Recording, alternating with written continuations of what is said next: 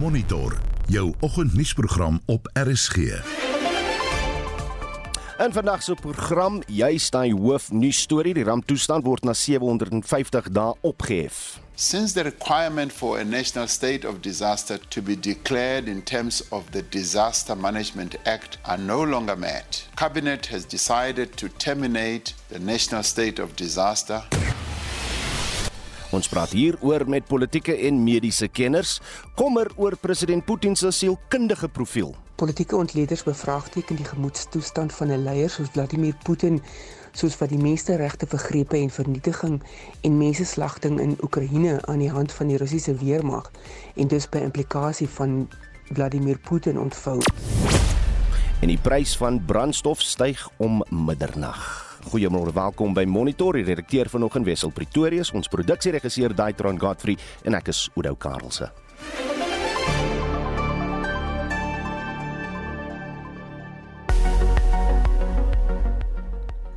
En hier volg die reisigers weer vir vandag soos uitgereik deur die Suid-Afrikaanse Weerdiens. 'n Weerwaarskuwing word uitgereik vir Limpopo vir moontlike oorstromings. Dit sal vandag gedeeltelik bewolk wees met namiddag donderbuie. Pretoria 24, Johannesburg 22, Vereniging 23, Mbombela 26, Polokwane 25, Mahikeng 27, Vryburg 26, Bloemfontein 25, Kimberley 29. Appington 24, Kaapstad 17, George 20, Gebega 23, Oos-London 24 en Durban 26. Richards Bay 29 en Pietermaritzburg 26. Vir meer inligting, besoek die Suid-Afrikaanse Weerdiens by www.weathersa.co.za. 'n Volledige weervoorspelling volg net na 7 en ek is Marlie Skeepers met jou reisigers weer op Monitor.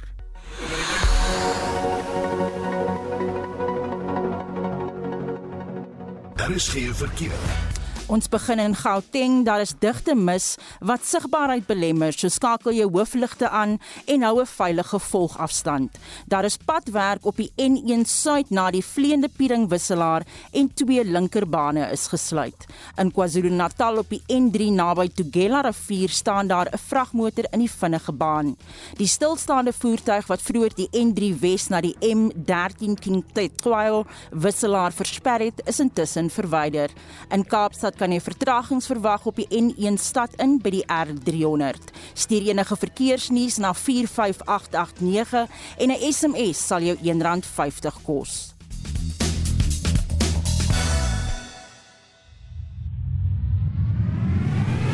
Jy luister na Monitor elke weekoggend tussen 6 en 7. In vanoggend se brandpunt, die stygings in lewenskoste raak almal. Het sy dit brandstof, krag of kos is. Het jy al nou die sommetjies gaan doen oor hoeveel minder geld jy aan die einde van die maand het? Deel jou rand en sent sommetjies met ons deur 'n stemnota te stuur na 0765366961 of stuur 'n SMS na 45889. Dit kos R1.50 per boodskap. Of jy kan saampraat op die Monitor en Spectrum Facebookblad en vertel ons in vandag se brandpunt hoe jou begroting nou lyk. Met verskeie reekse en toernooie aan die gang, is dit ook tyd om na van die jongste rangliste en puntelere te kyk. Ek is Shaun Jooste en ek is later terug met meer inligting. Die Hertzmerk Family Meeting trek baie aandag en dit gaan oor president Cyril Ramaphosa se aankondiging dat die nasionale ramptoestand na 2 jaar opgehef word. Gelukwensinge stroom steeds in vir die musikant Black Coffee nadat hy sy eerste Grammy-toekenning opgeraap het. Selfs president Cyril Ramaphosa, die DA en die EFF het die platejoggie op Twitter lof toegeswaai. Monitor jou oggendnuusprogram op RSG. 8 minute oor 6 môre welkom by Monitor. 'n Geregtelike doodsondersoek en 'n saak van poging tot moord word ondersoek nadat 'n man en vrou met skietwonde by 'n uitkykpunt by Voelklip by te Haroldsbaai aangetref is. Die paartjie wat in hul 70's is, is op 'n bankie by die uitkykpunt aangetref. Vir meer hieroor praat ons nou met die polisie woordvoerder van die streek, kaptein Malcolm Puyi. Malcolm, môre welkom by Monitor. Vertel ons van die twee ondersoeke wat nou aan die gang is. Maar Udo, ja, dit is 'n tragiese voorval wat plaasgevind het Sondag, 3de. Die liggaam die liggaam van die 70-jarige man of net in sy middel 70 is gevind deur een van ons eie lede wat uh, op 'n uitstapie was saam met sy gesin op voelklip op 'n bankie en die vrou van hom ook uh, in sy middel 70s is langs hom op die bankie aangetref albei met skietwonde so on as na aanleiding van die voorval is daar 'n geregtelike doodondersoek met betrekking tot die man opgemaak en daar is ook 'n poging tot moord opgemaak. Heiliglik is die vrou in 'n baie bedenklike en kritieke toestand nog steeds in die plaaslike hospitaal. Uh, ek ek seker dat daar's beskerming by die hospitaal want as 'n uh, 'n uh, moontlike kans dat hy sy dalk gesien het wie die aanvaller is. Man op hierdie stadium word daar geen gemeene spel vermoed nie en dit blyk dat die twee egpaar van hulle huis afgestap het daar is ook 'n brief gevind wat aandui dat hulle die daad sou pleeg. OK, nou nou verstaan ons bietjie meer wat wat aangaan hier. Uh, mag jy al die name bekend maak? Man, ongelukkig het die familie versoek dat ons op hierdie stadium eers die name moet weerhou en ons respek daardie versoek van die familie. Sê sê my hierdie uitkykpunt is is ook berig vir vermeende selfdoodpogings die afgelope tyd of hoe? Ja, ongelukkig uh, nou dan heelwat voorvalle plaasgevind die afgelope tyd. Jy het uh, verlede maand 'n 57-jarige vrou uh, daar uh, gevind wat uh, oor die afgrond gery het.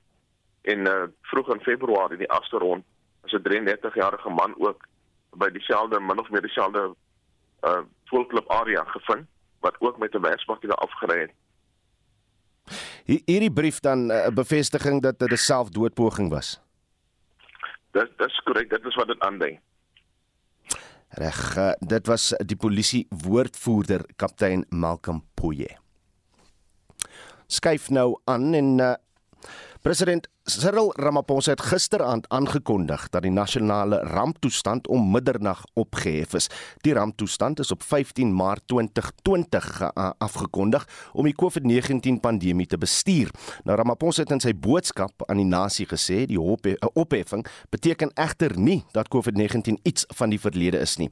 Nuwe wetgewing rakende maatreëls sal intussen afgekondig word. Die aankondiging is wyd verwag met laer infeksies en minder sterfgevalle skandale die afgelope weke.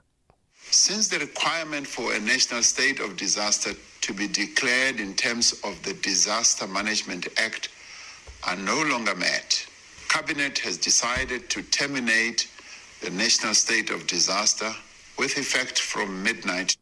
Sekere maatreëls sal nog vir 30 dae geld. We will still be required to wear a face mask in an indoor public space. This is necessary to prevent transmission in high risk places, especially while many people remain unvaccinated. A mask is not required when outdoors. Secondly, the existing restrictions on gatherings will continue as a transitional measure. This means that both indoor and outdoor venues can take up to 50% of their capacity without any maximum limit provided that proof of vaccination or a COVID test not older than 72 hours is required for entrance to the venue. Where there is no provision for proof of vaccination or a COVID test, then the current upper limit of 1,000 people indoors and 2,000 people outdoors will remain. Oorseese besoekers moet steeds ingeënt wees. 'n Negatiewe PCR toets minder as 72 uur oud toon of 'n blitstoets by aankoms doen. Toeriste wat positief toets sal 10 dae lank moet isoleer. Die ramptoelaag van R350 word voorlopig steeds uitbetaal as ook die vergoedingsskema. This scheme was brought into force in April last year to provide quick and easy access to compensation to any person who, after being vaccinated, suffers serious injury because of receiving a COVID 19 vaccine.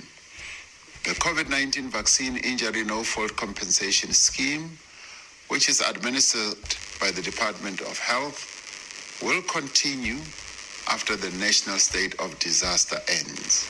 Die president het gesê die pandemie is egter onvoorspelbaar en versoek dat almal ingeënt word.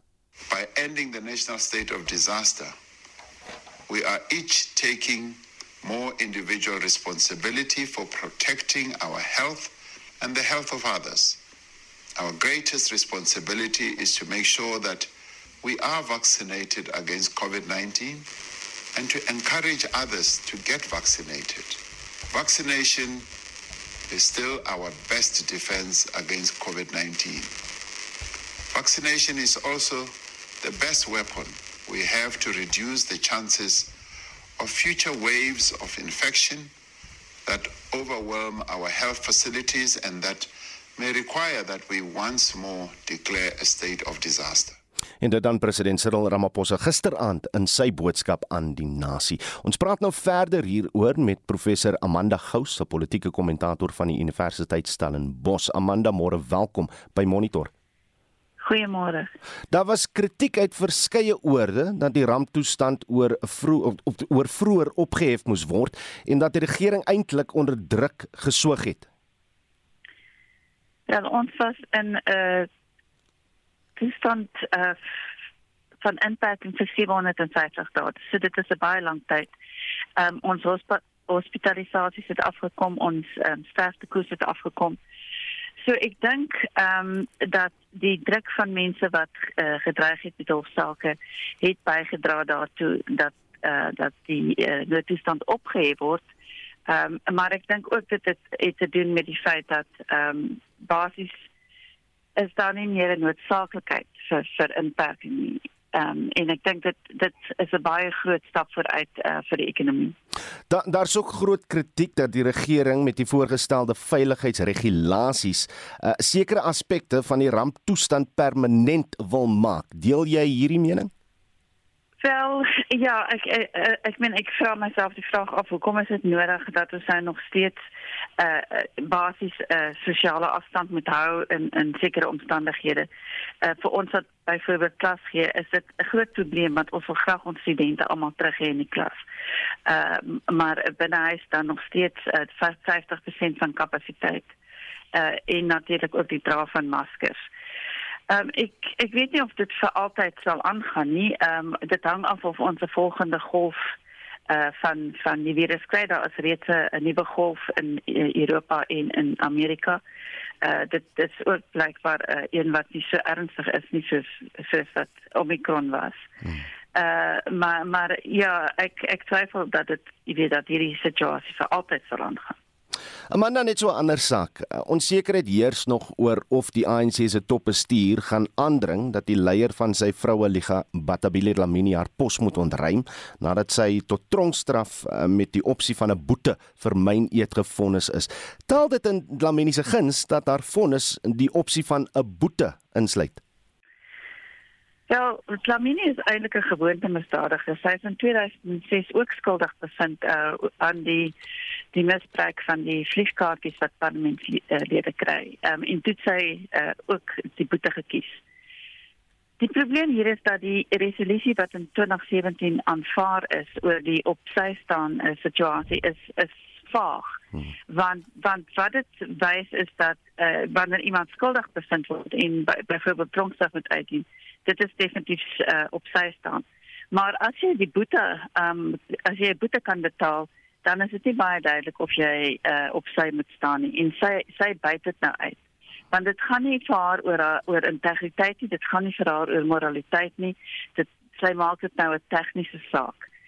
En ek dink werklik dat ehm um, die die ANC se topbestuur hulle moes gister besluit geneem het. So ek wonder hoekom hulle hulle voete sleep hieroor. Mm, mm. maar dat sy ehm um, soos Mkhize uh, eenvoudig net met daar uh, aangedring word dat sy Daar sou moet eintlik afgedank word. Ehm um, uh, maar maar uh, en en ek dink dit behoort ook die vroue liga te ontbind want die vroue liga is die grootste um, hindernis tot geslagsgelykheid in Suid-Afrika. Uh, so so sy sy behoort eenvoudig net uh, te bedank. Die ANC het wel gister aksie geneem in Mpumalanga. Jou reaksie dat uh, die party uh, hulle in Mpumalanga tesourier Mandlam Sibi 'n uh, 'n moordverdagte is wat nou soos dit gestel is deur die ANC daaraan herinner is dat hy op sy moet staan weens die klag teen hom. Ja, wat die president het hom daaraan uh, herinner en ehm um, ek weet nie wat die wat die besluit was wat gister geneem is nie, maar I mean hy behoort ook op sy te staan uh, totdat die die hofsaak afgehandel is. Ja, net terug by Batabile Dlamini. Dlamini se vroue liga. Het dit nog 'n wesenlike rol om te speel in die party se interne politiek? Wel, wat in die Vrouwenliga gebeur het, is dat het is net so vol faksies um, soos die ANC self. En, en dit beteken dat dit gaan vir meeste van die vroue wat in die Vrouwenliga behoort oor hulle eie selfbelang. Um, hulle dra absoluut niks by tot uh, die stel van 'n agenda vir geslagsgelykheid nie. Inteendeel, hulle werk uh, teen geslagsgelykheid. So hulle mag 'n rol binne die party speel om om mans uh, te ondersteun in die verskillende faksies, maar vir die burgers van Suid-Afrika maak hulle geen verskil. Professor Amanda Gous, ek sê vir jou baie dankie vir jou tyd en sy is 'n uitgeleese professor in politieke wetenskap aan die Universiteit Stellenbosch. Jy luister na Monitor elke weekoggend tussen 6 en 7. Die Verenigde Nasies se beskrywing van oorlog as gemeenskaplike geestesongesteldheid word deur die politieke wetenskaplikes professor Johansi van Wyk en professor Richard Meisner beide van Unisa aangespan in 'n artikel oor president Vladimir Putin se besluit om Oekraïne in te val. Ons praat nou met van Wyk. Môre Johansi, uh, welkom by Monitor. Um In die artikel voel julle of uh, spreek julle uit dat dat Putin 'n narcis is. Hoekom glo julle so? Goeiemôre Oudo. Ons kyk na die literatuur rondom politieke leierskap wat bestaan en dan volgens dit op met 'n paar van die optredes en gedrag en die uitsprake wat Putin ehm um, oor 'n tyd heen gemaak het. So dit is belangrik om te kan sien watter tipe besluite word geneem onder watter toestande en natuurlik dan wat is die politieke gevolge hiervan. En wat ons dan nou sien rondom eh, Vladimir Putin, ek en my kollega Richard Meisner, is onder andere dat dat Putin kom uit 'n bepaalde agtergrond wat hom dan 'n tipe persoonlikheid kon gegee het wat dan bepalend is vir sy gebrek aan empatie, sy narcistiese persoonlikheid dat hy altyd ehm um, gestimuleer moet word dat hy die besluite neem dat hy homself dan um, altyd die bewondering moet toeëien en natuurlik nou hierdie hierdie konsep wat hy het van 'n groter Rusland en hier hierdie historiese vernederings wat hy beleef nie net in sy eie persoonlike lewe hoewel daar baie min inligting daaroor beskikbaar is maar dan terselfdertyd ook wat hy reken gebeur het met die Sowjetunie en Rusland dan met die verbrokkeling van die Sowjetunie wat dit dan afgewater is tot 'n baie baie klein staat uh, in terme van politieke invloed ehm um, vergelyking met die Sowjetunie wat uit meer as 20 republieke bestaan het. Ja, en sê kyk nou net na een voorbeeld van wat in sy grootword daar gebeur het. En dit was nou 'n jong man wat self by die kantore van die eh, spionasiediens die KGB, nou die FSB gaan klop het en gesê, "Julle het my nodig. Ek, ek, ek weet wie 'n bedreiging inhou vir Rusland, gebruik my." Tog was dit 'n organisasie wat wat self hulle mense gekies het en nie andersom nie. Wat, wat sê dit van die Russiese leier? Inderdaad. En mens moet onthou dat hierdie tipe organisasies natuurlik 'n tipe persoonlikheid ook trek. Ek moet ook net sê ek ek nie 'n kliniese ontleding van hom gedoen nie. Ek kyk gewoonlik na sy politieke gedrag en die gedrag wat dan nou 'n uh, politieke impak het. Ehm um, hy was baie gelukkig om 'n tyd um, homself aan te meld toe die KGB vir 'n kort periode wel oop was vir hierdie tipe aanmeldings. Nou natuurlik dit wat ons in die weste sien, um, of dan nou in die openbare media sien, is dat hy wil graag hierdie hierdie beeld dat hy self die inisiatief geneem het uh, van hom voor um, voorhou om dan as 'n motivering vir die Russiese bevolking en hulle optrede te kan wees. Maar hierdie benadering of hierdie storie word dikwels ook ehm um, uit ander kant aangebied van van van wat geskryf word. Ek meen kom ons kyk net na sy biografie, sy autobiografie vir is die titel is eerste persoon, first person, terwyl van sy biograwe byvoorbeeld na hom verwys na die man sonder gesig. Hmm. Omdat daar so min rondom hom ehm um, beskikbaar is. Maar die feit dat hy dan nou uit 'n familie uitkom wat die um, Stalingrad uh, uh, Leningrad um, um, oorleef het dat hy um, uh, miskien uit 'n baie harder familie omgewing uitgekom het, het dan wat kundiges noem 'n donker tipe persoonlikheid na vore gekom het. En nou sien dit hier met die afstand tussen hom en sy besluitnemers, maar ons moet ook onthou dat Putin is nie net 'n individu wat bepaalde politieke sielkunde het as ek dit sou kan stel nie. Hy het leef ook binne 'n groter Russiese nasionale identiteit en dan ook binne 'n kleiner identiteit wat 'n mens kan sê, um, binne die um, die idee van wat die Russiese staat is. En hier het hy met sy um, mags uh, opmarslik nou maar sê 'n uh, um, bekende toespraak gemaak wat hy genoem het die millennium toespraak hmm. uh, net so voor 2000 wat hy gesê het dat die tyd is reg dat Rusland homself weer as 'n groot staat moet vestig en as sodanig moet leef. En dit was ook dan nou een van die beginpunte van hierdie groot man houding wat hy um, gehad het. En ons sien dat hy homself dan ook so um, op die um, in die media bekend gemaak het. Dis iemand wat 'n sportman is wat 'n jong vrou getrou het intussen wat jong kinders het um, en homself dan nou so posisioneer as iemand wat dan nou die lewens ehm um, energie van 'n nuwe Rusland kan verteenwoordig. Maar dit is natuurlik dan in strille kontras met wat ons nou sien ehm um, die menseregte skendings, die menseslagtings wat plaasvind. En natuurlik ehm um, die Russiese weermag tree op um binne die perke wat nie net die grondwet stel nie, maar ook wat binne Putin as die leier en dan uiteindelik die die um die hoof van hulle weermag dan nou um toelaat om te doen. Maar hy het 'n um as mense dit in goeie Engels kan Afrikaans kan sê, hy hy hy grieves and grudges. Mm. Um grievances and grudges en en dit maak 'n baie baie potente uh, politieke uh, deelnemer um, en en akteur. Ja, en sien wat my bietjie bekommer of, of baie bekommer is is toe hy aanvanklik president geword het, het hy uh, in Rusland 'n voormalige kommunistiese party godsdiens gebruik om om samehorigheid te te bewerkstellig. Nou wonder ek tog met alles wat jy nou uh, reeds gesê het, is dit miskien 'n man wat voel hy is op 'n missie van God en maak dit om nou meer as net 'n narcis iemand wat 'n gevaarlike psigopaat kan wees? Ek ek kan nie myself uitspreek oor oor sy kliniese toestand nie. Ek kan gewoon net sê dat dit wat ons sien wat hy met die Russiese kerk doen, het Stalin byvoorbeeld ook gesien. Die oomblik toe toe Rusland in 'n hoek gedruk word, soos wat ons sien in sommige dele van Oekraïne nou wel, dan is dit baie belangrik vir 'n vir vir so 'n leier om die kerk um, um, aan te tree. Met ander woorde hierdie goddelike opdrag wat dan uitgevoer moet word en ons het gesien dat die Russiese Ortodokse Kerk hoegenaamd geensins homself uitgespreek het teen um, die gebeure en die vergrepe wat plaasvind nie. Putin is inderdaad op 'n historiese missie. Hy sien die kerk as deel van 'n van die identiteit van van Rusland. Maar ons moet ook onthou dat as 'n ou KGB agent het hy genoeg vuil was goed op 'n klomp mense ja. of dit nou kerklui is en politici is en hy is 'n as 'n as 'n um, Machiavellian as iemand vir wie mag en invloed belangrik is, gaan hy alles in sy vermoë gebruik om dan um, hierdie posisie te behou. En hoe ons sien nou dat die openbare media en uh, die privaat media en die demokratiese terrein is aansienlik verklein en onderdruk in in Rusland. Nou waarop val mense dan terug op die kerk en op die goddelike um, om dan 'n um, soort van steun vir die oorlog en steun vir hierdie historiese missie te kry.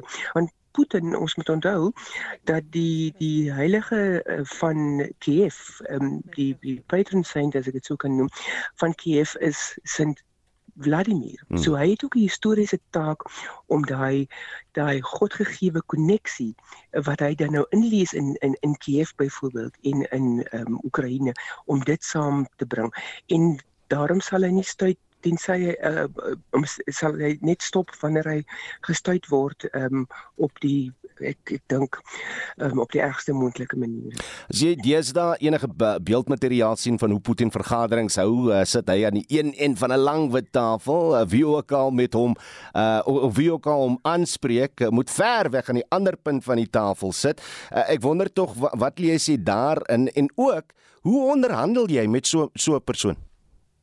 Ja, daar daar is ehm um, wat uit die literatuur uitkom dat Putin het vanweë die die pandemie het hy ehm um, het, het die afsondering hom ehm um, kom ons sê net maar ehm um, skade gedoen en natuurlik nou ook hierdie afstand is is dan ook om te bewys maar ek is in beheer. Dis amper asof dit 'n tsaar is wat dan nou besig is om met sy onderdane te gesels.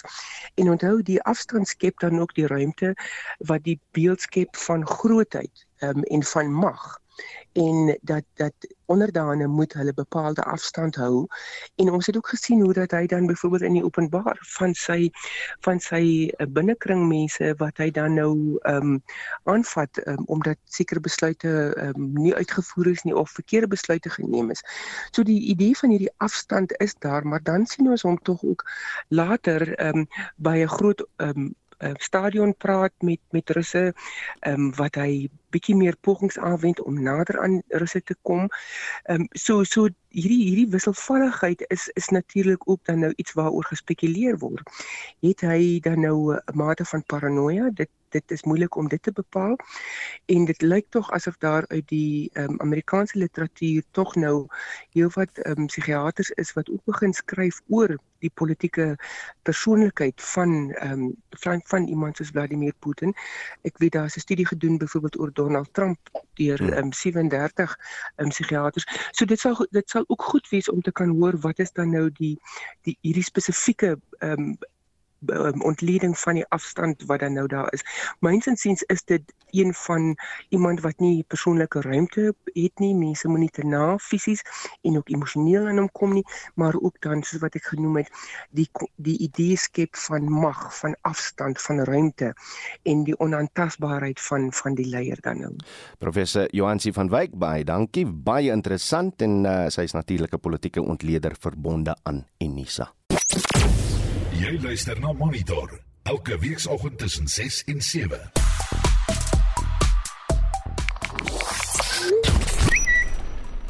Maar die stygings in lewenskoste raak almal. Ons wil vanoggend weet hoe jou begroting nou lyk. Anne Marie, môre.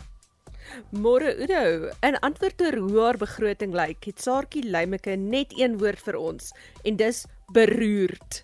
Beide Gert Marits en Marnie van Wyk sê hulle voel al 'n paar maande lank die brandstofstygings. Daarom ry Marnie minder met haar SUV voertuig. Marnie en Bets Ferreira sê hulle koop nou klere by goedkoper winkels en kyk spesifiek uit vir spesiale aanbiedinge, veral op produkte soos botter, vleis en koffie. Marnie sê ook hulle het hulle eie groentetuin begin wat danksy die goeie reën gedei. Van haar klein tuintjie sê sy is 42 pampoene geoes, hoop spinasie, wortels en aartappels. Jolanda Dippenaar is dit eens. Sy sê kospryse het reeds 25% opgegaan terwyl mense se salarisse nie styg nie. Volgens haar kan 'n mens nêrens meer op die begroting sny nie. Edward Stieke Marike sê die brandstofprysstygings is hartseer. Volgens hom kan jy alles met jou begroting probeer doen, maar jou beursie sal leeg bly. In sy woorde, alles raak net duurder en duurder. Rex Bester sê hy is maar swak met wiskunde en sommetjies maak, maar hy voeg by sy beursie het min note in, maar beslis eie in. Patricia Bolman Taljaard sê dit help nie 'n mens maak sommetjies as niks klop nie. Volgens haar is medies ook so groot uitgawe dat sy eerder nou haarself dokter om onkoste te spaar.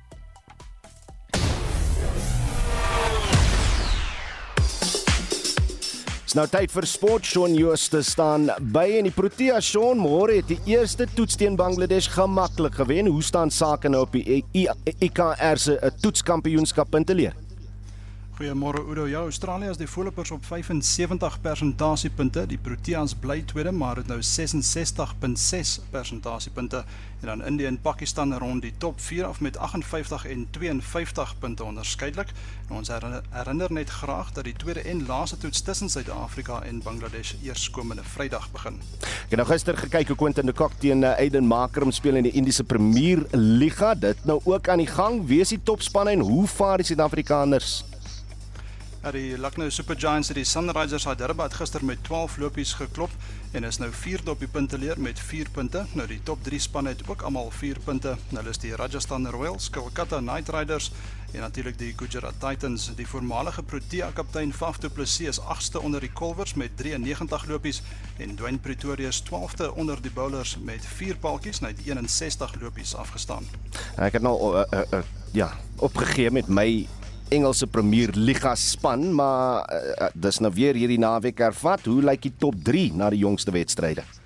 Ja, die Engelse Premier Liga is Manchester City die voorlopers op 73 punte na 30 wedstryde. Liverpool is kort op hulle agter op 72 punte en Chelsea in die derde plek op 59 punte, maar hulle het een minder wedstryd gespeel. In die DStv Premier Liga staan Mamelodi Sundowns op 51 Royal AM op 40 en Kaizer Chiefs op 38 punte en hulle twee minder wedstryde voltooi. Ashley Barty het die wêreld aan die gons gehad met haar uh, verklaring dat sy uit die sport uittreë en nou het ons 'n nuwe wêreldnommer 1. Ja, die 20-jarige Pool Iga Swiatek is die nuwe voorste vroue speler. Sy het tot dusver een Grand Slam titel agter haar naam, dit is die Franse Ope en is onoorwonde in haar laaste 17 wedstryde. Die Tsjech Barbora Krejcikova is tweede en die Spanjaard Paula Badosa derde. Dan die top 3 manspelers is Novak Djokovic van Servië, die Rus Daniel Medvedev en die Duitser Alexander Zverev. En Suid-Afrika se Lloyd Harris spring met 4 plekke na 40ste. Dan het ons uh, spanne in die Verenigde Rugby Kampioenskap 3 agtereenvolgende goeie naweke gehad. Hoe dit die uh, punteleer geïmpak, John? Ja, die Suid-Afrikaanse spanne het 15 van hulle laaste 16 wedstryde teen die Europese spanne gewen, so baie goed. Die Stormers staan 6ste op 43, die Bulls 7 op 42 en die Sharks 8ste op 41 punte en die Lions is 12de op 30 punte. Die eerste span Leinster is die is die voorlopers op 60 punte. Die landsgenote Ulster is het is tweede op 50 en die Skotse span Glasgow Warriors derde ook op 50 punte. En hoe gaan dit met Brad Binder in die uh, MotoGP? Hy vaar uitstekend in 2022 en is tans tweede op die punteleer op 38 punte. Die Spanjaard Alex Espargaro is die voorloper op 45 en die Italianer Enea Bastianini derde op 36 punte. En dan enige groot bewegings op die uh, jongste mans golfranglys. Uh, nee, daar is geen veranderinge onder die manspelers hierdie week nie. Die top 3, hulle is die Amerikaner Scotty Scheffler, die Spanjaard Gon Ram en dan Colin Morikawa ook van die FSA. Nou die top 3 Suid-Afrikaners is Louis Oosthuizen, hy is 15de en dan Shaun Norris 60ste en Christian Besaidnout 63ste. En dan Shaun Jooste van RSG Sport. Monitor jou oggendnuusprogram op RSG. In vanoggend se wêreldnuus begin ons by die oorlog in Oekraïne. Die VN-sekretaris-generaal het sy skok uitgespreek nadat hy foto's gesien het van die lyke van mense wat in die stad Bucha gevind is. Die Amerikaanse president Joe Biden het ook iets hieroor uh, te sê gehad. Marlisa Moore. Hi, ja, uh, Udo, ja, uh Hy het weer selfs so ver gegaan as om Vladimir Putin 'n oorlogsmisdadiger te noem. Hier's 'n greep uit sy toespraak. The truth of the matter, to show what happened to Buka, this warrants him, he is a war criminal. But we have to gather the information. We have to continue to provide Ukraine with the weapons they need to continue the fight. And we have to gather all the detail so this could be an actual have a war crime trial. This guy is brutal. And what's happening in Buka is outrageous. And everyone's seen it. Dit sal 'n 2/3 meerderheid van die 193 lidlande neem om Rusland uit die Verenigde Nasies se menseregte te skors Oudo. Ja, van Noord na Suid-Amerika in Rio de Janeiro, een van die grootste stede van Brasilië, is uh, minstens 16 mense dood en meer as 8 beseer in talle en talle vermis na swaar reën. Ja, daar was ook erge grondverskywings wat talle paaie in en rondom die stad verspoel of uh, ontoeganklik gelaat het. 'n nabygeleë kernaanleg is uh, ook afgeskakel aangesien die owerhede nie die veiligheid van die werknemers by die aanleg kon verseker nie. In baie state in die suide van Rio het sowat 650 ml reënval in net 48 uur ontvang. En dan na die stad uh, Paradania in Sri Lanka. Die polisie het hier daar da, daar traangas gebruik om mense wat oor 'n ernstige ekonomiese krisis betoog uiteen te jag. Mm, Sri Lanka se president het 'n noodtoestand afgekondig weens die stygende pryse, 'n tekort aan noodsaaklike voorraad en aanhoudende kragonderbrekings. En hy het ook 'n landwyse aandklokreël ingestel nadat die betogingsgeweld dade geraak het. Ja, ons sou hierdie stories fyn dop. Dit was Marlie Skeepers met 'n kort oorsig van wêreldnuus gebeure. En uh, ons skuif nou aan en terug op tuisbodem want die prys van petrol styg om middernag met 28 en 36 sent per liter uh, afhangend van die uh, oktaan terwyl diesel met 'n stewige R1.53 sent en R1.69 sent per liter styg afhangend van die graad. Vir meer hieroor praat ons nou met die hoofekonoom uh, van PwC Lulu Kriel. Lulu, môre welkom terug hier by Goeie. Monitor. Goeiemôre Udo en baie dankie. Uh, die verlaging van die brandstofheffing met R1.50 per liter uh, help tog om die stygings in bedwang te hou, maar uh, uh, ons sit nog steeds met rekordpryse. Ja, Udo, uh, soos jy gesê het, uh, die redelike dramatiese verhogings wat ons weer moet sien en dit is op die verhogings wat ons in Maart maand gesien het. Maar ek moet daarom sê as ons die volle impak moes geneem het van die normale verhogings soos wat dit ehm um, gewoonlik maandeliks aan aan die verbruiker deurgegee word, dan sou petrol onge ongeveer met R1.77 en diesel met amper R3 uh, per liter gestyg het. So dis 'n redelike groot verskil uh van die as gevolg van die verandering uh van die brandstofheffing. Ehm um, as 'n mens gaan kyk, dis hoofsaaklik die internasionale pryse en jy het 'n bietjie vroeër gepraat van wat in wat in Oekraïne besig is om te gebeur.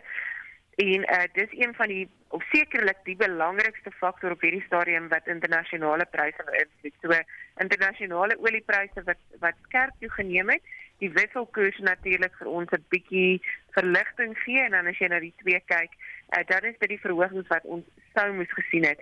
Ehm uh, maar die minister van finansies het 'n paar veranderinge aangekondig. Hmm. Ehm um, teen die einde van verlede week waarna hulle kyk na die herregulering van of die regulering van van petrolpryse wat dit oor die lang termyn dalk ehm um, vir ons goedkoper gaan maak en dan ook hierdie brandstofheffing uh, verligting van omtrent R1.50 wat tot en met ek dink die 31ste Mei in plek is uh, wat wat daarom heel wat help.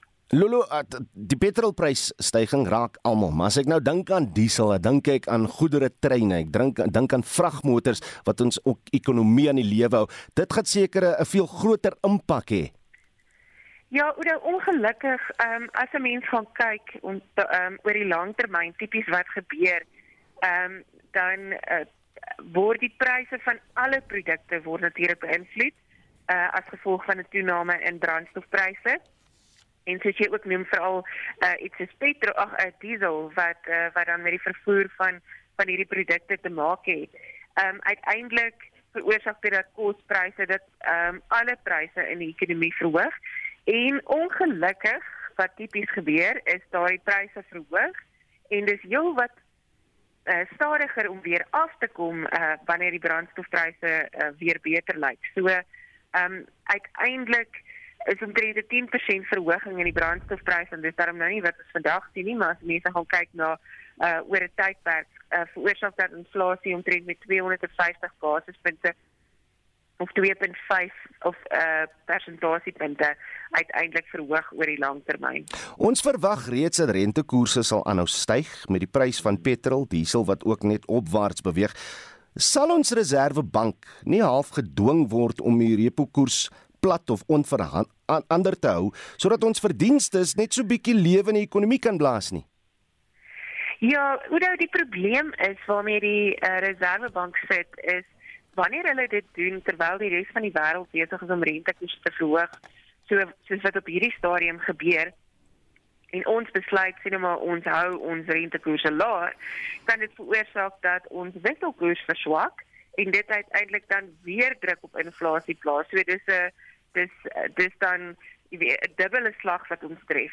So die Reservebank se taak is om inflasie onder beheer te hou en dis ander ons moet kyk na ander maniere om verligting vir verbruikers te gee en dis wat die ehm um, die nasionale tesorie en ook eh uh, die departement van energie sake op hierdie stadium probeer met van die verligting wat aangekondig word. So die Reservebank sit eintlik in 'n moeilike posisie as die res van die wêreld ehm um, reeds begin om rentekoerse te verhoog en ons was 'n bietjie hmm. agter hulle want ons het juist probeer om rentekoerse langer laer te hou. So ek ek was verlig dat hulle nou uh, met die verhoging wat ons in Maart maand gesien het, uh, nie besluit het om dalk 50 basispunte uh, verhoging aan te kondig nie, maar te kyk na 25. Uit die aard van die saak is faktore soos ekonomiese groei vir hulle belangrik, maar die probleem wat ons mee sit is uh, is dat ons inflasie is eintlik ingevoer op hmm. hierdie stadium. So uh, ja. En dit was Lulu Kriel, die hoofekonoom van PwC. Jy luister na Monitor elke weekoggend tussen 6 en 7. Skeer nou terug na een van ons hoofstories, die opheffing van die ramptoestand is na 750 dae opgehef. Ons praat nou met Dr. Angelique Kutse van Solidariteit se doktersgilde. Angelique, môre welkom terug by Monitor. Jou reaksie op die uh, opheffing? Goeiemôre aan al jou luisteraars daar buite. Dit is baie lank um overdue en dit moes al gebeur het want as ons gekyk het en ek het dit nou al voorheen gesê um, na die huidige maatreëls is daar nie regtig veel wat gebeur um, jy weet uh, dit, dit bly maar staan dit is maar die maskers en dan die um, by die binne en buitenhuise uh, toelatingsvereistes en die, en die, en dan die uh, as jy dan in weet inkom in die land jou jou ehm um, COVID negatiewe toetse en dis nou al hele rukkie daar. Soms moes uit hierdie gekke ehm um, 'n uh, uh, lang vir langtermyn disaster act uitbeweeg het. Hmm. Die regering het nie 'n keuse gehad nie. En solidariteit het hulle in elk geval met 'n dringende interdik geslaan van da, of wat wel. Dit is nou vandag hoe is uitgestel na môre toe om seker te maak dat hulle dit wel ophef en dit is nou gisterand opgehef. So so of die president het dit self gedoen of daar sou 'n saak gewees het daaroor. Dit het ons voortaan spesiale regulasies nodig om om om as dan nou weer 'n groot swaai in die pandemie kom of of 'n nuwe geval van COVID kom, het ons wel spesiale regulasies nodig om dinge soos addisionele veldhospitale oop te maak, om om handreinigers te te, te kan koop, om inentingsstowwe te kan koop. Het ons hierdie spesiale reëls nodig? Want ons kyk nou die wat die laaste 2 jaar gebeur het. Ehm um, jy weet, hoeveel veldhospitale was daar werklik? En wat het in werklikheid van hierdie veldhospitale geword? Het dit regtig 'n groot waarde gedra bygevoeg tot die algemene ehm um, welstand van die die die die die uh, ons ons uh, mense daar buitekant of het dit net in sekere plekke gewerk? Um, ek weet wel Kaapstad se se veldhospitaal het baie baie goed gewerk, maar jy weet ehm um, hulle weet ook hoe om dit reg te doen. Maar as ek kyk na die ander wat daar 'n klomp geld ehm um, gebruik en ek dink nie daar het veel van gekom op die einde van die dag. Ehm um, om om dit, jy weet, om dit regtig te regverdig nie. So dit daar word die hele tyd gesê gesondheidsorg moet opgeknap word en die die die die, die druk moet net nie op die gesondheidstelsel wees nie. En as ons kyk na die het ons op die einde op ons eie reg gekom. Ja, daar was van die maatreëls wat wat ons verhelp het. Maar vorentoe, jy weet ek ek bly sê daar is die die die nie farmaseutiese intervensies wat gedoen moet word en dit is goed soos maskers binne binne in huis en dan praat ons hierso nou van regte maskers. Jy weet, ehm um, ons moet wegkom dan van lapmaskers af en as jy 'n lapmasker dra, moet jy net verstaan wat is die waarde van die lapmasker.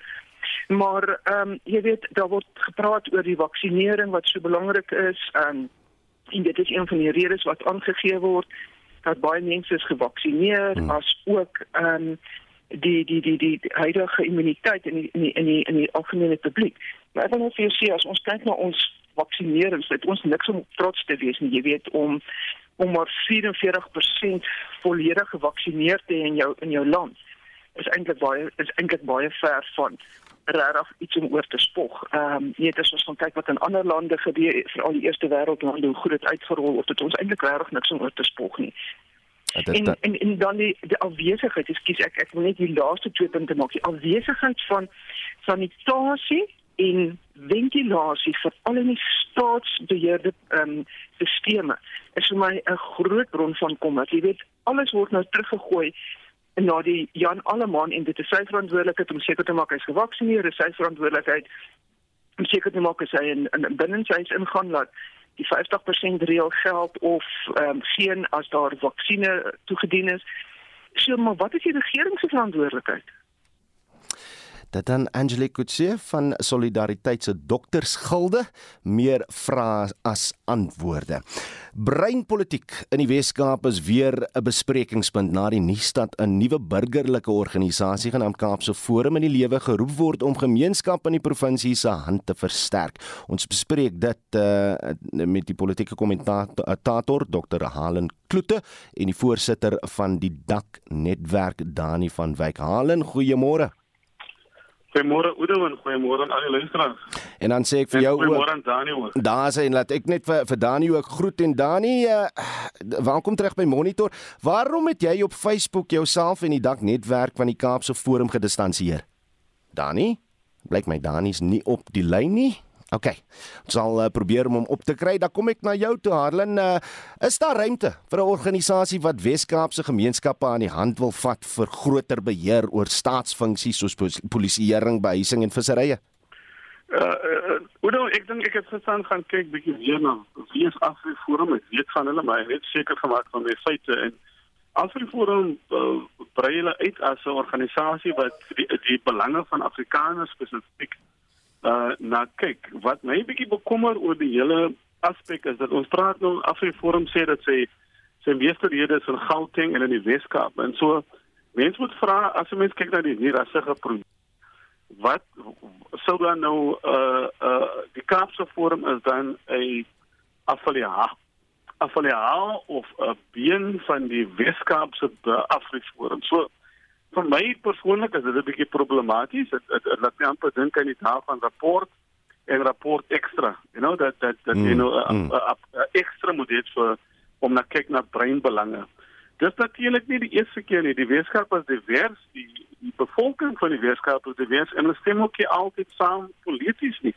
En so die Weskaap het 'n ryke geskiedenis van politieke aktivisme en van deelneem en dit is nie een homogeniese groep wat oor alles saamstem nie. So ek ek het 'n bietjie probleem ewen as jy praat van breinpolitiek, mm. want jy praat nie van Zulu politiek nie. Jy praat van politiek en politiek gaan oor die belange van 'n van van groepe mense bevorder. Ja, Allen, ek gaan jou vra om net so 'n bietjie aan te hang en daar was so 'n sekere klem toe ek die inleiding gelees het, want, want uh, uh, hierdie term word nou amper op ons afgedwing, maar laat ek by by Dani uitkom. Dani, môre. Uh, jy het nou op Facebook jouself in die dak netwerk van die Kaapse Forum gedistansieer. Ek sien daar's nou ook 'n petisie in omgang om om die Kaapse Forum te beveg. Môre, hoekom? Dan is nou weer nie daar met ons op die lyn.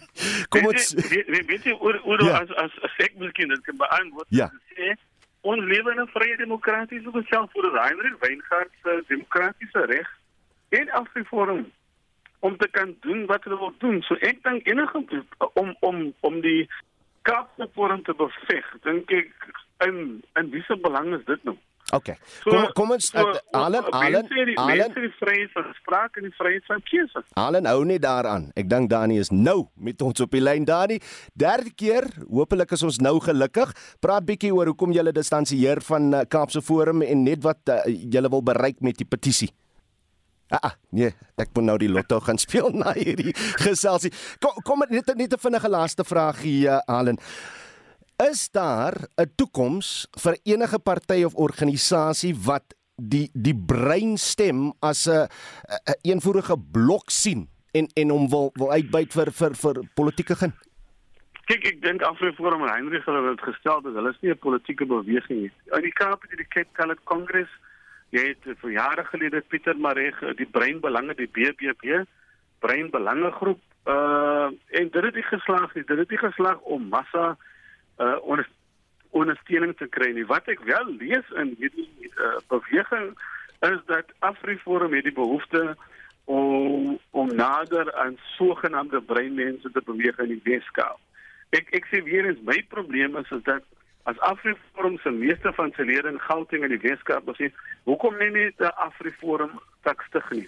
Kom ons begin met die definisie van 'n Afrikaner. Is breinmense Afrikaner? Uh, of vir Afrikaans is, hoe speel mense met woorde? As ons praat van die die nie, die nie rassige projek in Suid-Afrika, dan is dit 'n inklusiewe inklusiewe tyd wat ons moet bevorder. Ons lewe in 'n wêreld waar almal nie dieselfde is nie en hoe berei ons ons gemeenskap vorm saam met ander werk. Ons sit nie ons is almal in dieselfde bootjie. Dit is vir my die belangrikste. En so dis enige persoon se reg om 'n beweging te begin in Suid-Afrika en as elke persoon dan nou uh, as 'n mense uh wil die lot van mense bevind dan is dit hulle demokratiese reg. En dit was Dr. Halen Kloete, 'n politieke kommentator en kenner van plaaslike regering.